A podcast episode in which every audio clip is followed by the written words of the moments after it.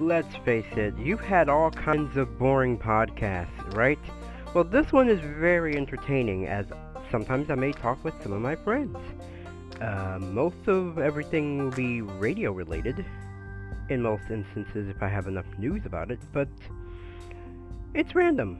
That's why it's called the Random Podcast. I may talk about news stories, I might talk about an app I'm interested in, plus a whole plethora of things. As I said before, it's random, and you never know. There could be a throwback episode that I've featured before. So check it out. It's the Random Podcast. You'll never know what you like. Just give it a listen. And I promise you, it's going to be so awesome and so random.